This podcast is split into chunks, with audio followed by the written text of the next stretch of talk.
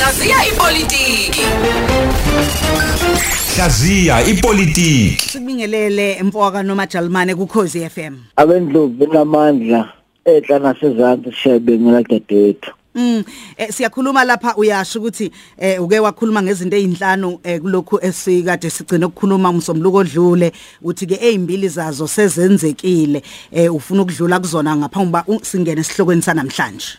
kunjalo dadewethu kuhluma ingqapheli kanjalo nohulumeni belilalelo luhlelo oqala uzokhumbula ukuthi ngakaphelanga nje ngisho amahora ngamashumi amabili nani eh uhulumeni noma isikhungo sikahulumeni esenza ucwaningo sikhiphe umbiko othi ngembala izinga labantu abangasebenzi eNingizimu Afrika noma ibalo selikhuphuke kakhulu njengoba sasishilo nje ukuthi iyeza leyo nhlekelele okwesibili lithe liphela isonto udaba lokuqala sasilibekile njengodaba oluyinkinga kufuneka uhulumeni angenelele kube leli lesihlalo sobukhosi kuzulu sesizwile ukuthi umengameli wezwe usejube abathize ukuthi eh abake balibheke udaba nawo seyakusondela kuye. Ngicabanga ukuthi kuhle lokho uma uhulumeni nabantu nje belalela uma siphakamisa imbono Mm. Uma ke singabuya sizongena esihlokweni ke sanamhlanje sibheka ukuthi ke mhlambe kungani ukuthuthukiswa komnotho wasemalokishini nasemakhaya kungagwema inhlekelele. dadewethu lokho esikushoyo besicabanga ukuthi into elula ukuthi uma umholi noma usomabhizinisi noma umuntu nje uyamukele okokuqala wonke amadolobha akhona eningizimu Afrika akhiwe phezu kweingazi zamadoda nabafazi abavela emakhaya nasemalokishini. Itheku lakhiwe ngethukuthuku nabantu abavela konongoma abavela ko South Coast abavela kuzo zonke indawo isemakhaya koshowe njalo njalo. Igoli leli ekuthiwa indawo yegolide lakhiwa ngethukuthuku zabantu abavela emakhaya nasemalokishini.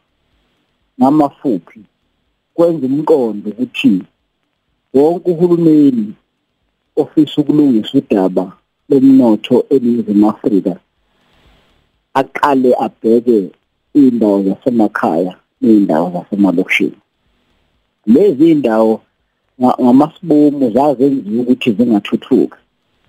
Unongoma iqobo nayo zonke izindawo ezisemakhaya eh abahleli bomnotho ngaleso sikhathi babethi indawo la siyofela khona indawo lapho sinekuthuthuke khona.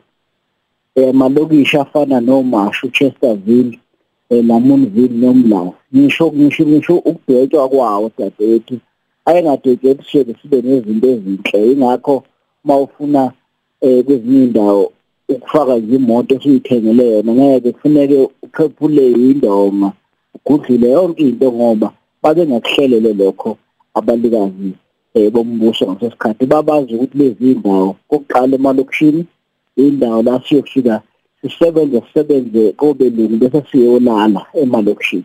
Yabe asicabanga njengemphakathi nje siyimphakathi nje.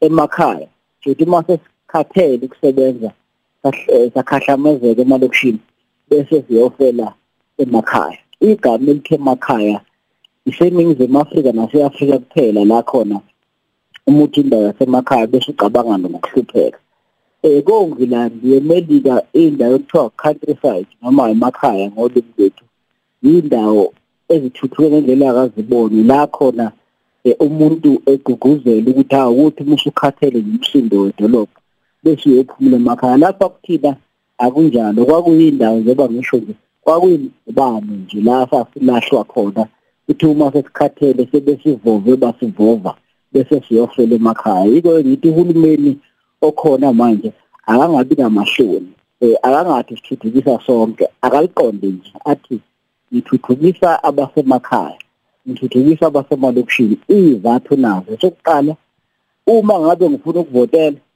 abantu abangivotelayo abaningi bavela emakhaya nasemalokishini. Ngisho ngaphakathi izandla akekho ngadlula lelo voti. Okuqala lokho. Okwesibili ububha bamabomu obawubengiziwe batshalwa namhlanje sekuchumile ey'ndaweni zasemakhaya nasey'ndaweni zasemadolobheni. Okwesithathu uma kuzoqala ibhelu zizoqala kule ndawo ngoba abantu basemakhaya kuze kube namhlanje abantu basemalokishini kuze kube namhlanje umnotho noma lokho kuthiwa umnotho abakubona ubuso babo kubo ngamafuphi abababoni abantu abafana nabo. Bephethe umnotho wasey'ndaweni zabo. Ey'ndaweni zabo kufika iy'tolo zabanye abantu ey'ndaweni zabo kuthiwa zothuthukisa kona. Uma ufuna-ke bayivikele yenza leyo mnotho ube nomuso wabantu bendawo. Yenza abakwanongoma babe ney'tolo kwanongoma. Yenza abasolundi babe ney'tolo lolu. Yenza abasegama lakhe babe ney'tolo egama lakhe nabasendede kanjalo. Yenza abase-chesterville abaselamanzi babone ubuso babo. Bawabona amadodakazi namadodana abo. Eyingxenye yalo mnotho hhayi njengabantu abasebenza khona. Okwesithathu kufuneke uhulumeni aqede into ethi uma ucabanga ngey'ndawo zasemalokishini nasemakhaya ucabanga iy'jumbane angiqale ngisho laba abanika imiphakathi yethu iy'jumbane siyazi ukuthi basuke bethi bayasiza. Kodwa iqiniso lithi isizwe esiyigqajayo asikwazi ukuphila nokupheliswa ngejumbane uhulumeni akaqinisekise ukuthi ey'ndaweni zasemakhaya nasemalokishini kunokuthi kulethwe ijumbane akunikwa abantu izinto umhlaba ukuzenzela ukudla. Bese ley'tolo isibonelo ngisho lokhu ngoba iy'tolo ey'nkulu ney'njinga seyinawo lo mkhuba ukuthi uma seyingazi izokwenze njani ithi ilethe amaphasela ekudla yini ezingathengi umhlaba? Kwakhiwe eh, iy'vande khona lokhu kumilayo kuzodayiswa khona lapha um kule y'nqakanqaka zey'tolo akwenziwa lokho ngoba siyaziyo ukuthi hhayi sesingabantu bamaphalishi nabantu bezinkwa nabantu bey'jumbane emndenini wabantu abayishumi dadewethu umuntu ethi ijumbane uthi akudle bani kuyeke bani ngakusasa besenzani? Ngamafuphi ithina uhulumeni okhona ithina abantu basemalokishini ngokubambisana esingenza umlando owawenziwe ngale ndawo zethu zasemakhaya nasemalokishini ukuthi iy'ndawo zokuyosebenza zokuba izimbamgodi nokuyofa khona ziguquke ngokuthina sibe yingxenye yokuthuthukiswa komnotho wethu. Siqaphe ukuthi iziphi izinto ezingasenza sisuke kulobubha hhayi ukuthi sihlale sikhona ngoba iy'jumbana zikukhiphe endlaleni ziyayibamba indlala yamahora athize bese iphinde yabuya kodwa ngokubambisana namadodana namadodakazi asemakhaya um nasemalokishini kanjalo nohulumeni singasiguqula leso sithombe yiko ngithi uhulumeni ofisa kube nokuthula eNingizimu Afrika noma ngabe waliphi iqembu akalungise umnotho wasemakhaya nomnotho wasemalokishini angaloku esaba ukuthi hayi nabanye abekho abanye abahlupheka njengabasemalokishini nabasemakhaya. Akubheke bona ulohulumeni uyohlonipheka uyokwesekwa njalo.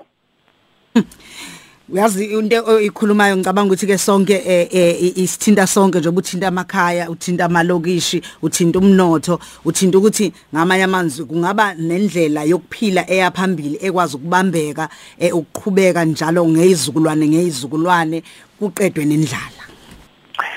Kulula njengoba ngisho ngedadewethu ngilikhulumile udaba lukahulumeni ukuthi angenzani yena. Thina ke bakule ndawo ngoba nako futhi okunye kumqoka ma-Afrika enaboshanga ngeke basihlonipha abafo uma siqhubeka singokhangezeli siyisizukulwane sesinkwa nemaphafela ingane noma laba sebengcono noma laba sebethuthukile ey'ndaweni zasemalokishini nasemakhaya ake benze isibonelo. Batshengise uhulumeni nabantu laba bazolahlela izinto kuthini ukuthi nathi singabantu. Ake benze isibonelo dadewethu.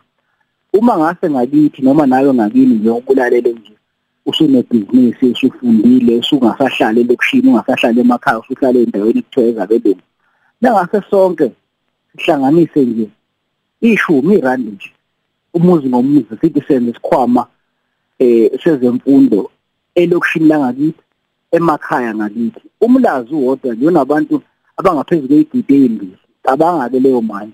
Ngasho ukuthi zonke iy'ngane ey'fisa ukufunda ney'fanele ukuxhaswa emlazi ngeke iphinde ziyocela kwabanye abantu kodwa ziyoqale zixhaswe ngabazali babo zixhaswe ngabafowabo nodadewabo abakwazi ukwenza ngamafuphi ngithi yize ngimhlaba uhulumeni yize ngimgqugquzele uhulumeni ukuthi akasekele indawo kodwa ukuze sihlonipheke kufanele kuqale thina esizalele kule ndawo ngoba iqiniso lithi singakwenza thina ngakhona esithi uma sikuphethe siye kuhulumeni ngoba bohlanga emelika uma befuna ukuhlonishwa ngabelungu benza into eyodwa. Benza imfela ndawonye yabohlanga black caucus. Amagunundo ohlanga ukuthi ahlanganise imali ahlanganise eh, eh, eh konke abakwazi ukwenza noma ngabe ukucula noma ngabe ukuze kufikwe abazobaxhasa sebemi ngomumo. Lapha kuthina siyahlala sihlale kufika umuntu nje osefuna nokulahla ukudla kwakhe athi uzophathina bese simise ujene athi mhla isondla ngoba phela sebethondliwa yibo. Bese biza beindaba ukuhlonipha kunjani ukuthi uma umntaka umazi ukuthi ulambile uma sewuzomnika ukudla bese ubiza iphephandaba ukuthi lizomshutha ukuthi wendliwa uwe. Uthini kuleyo mzali einganeni zakhe ukuthi usendliwa uwe? Wena ozofika umnike esidingisisa imoto uhambe yiko ngithi asihlonipheni asihlonishwe kodwa ukuze sihlonishwe ufuna siqale sibatshengise labafuna ukusiza noma bayasithanda ukuthi asizona inxinzi angena ka Twitter angena ke na ku Facebook ngokunjalo sokufundela nje wona aphawula ke ngalokho ke akhuluma ngakho ke umfowaka noMajalimane benze kanjani abalaleli uma ukuthi bafisa ukukulandela ungabakhumbuza? Oqala nje sikhona ku Facebook tubayede news bekhona ku Twitter nhlanhla mtaka nobayede news. Nabanye abeze siyabamema ngakini nje hlanganani ke bahlani nibe yishumi hlanganiswe imali leyo mali iqale iyikhwama. Yomphakathi yethu singakwenza ngendlela esibaningi ngayo eh esesi esibe ngconywana ngoba abazali bethu babecindezela thina sekungcono.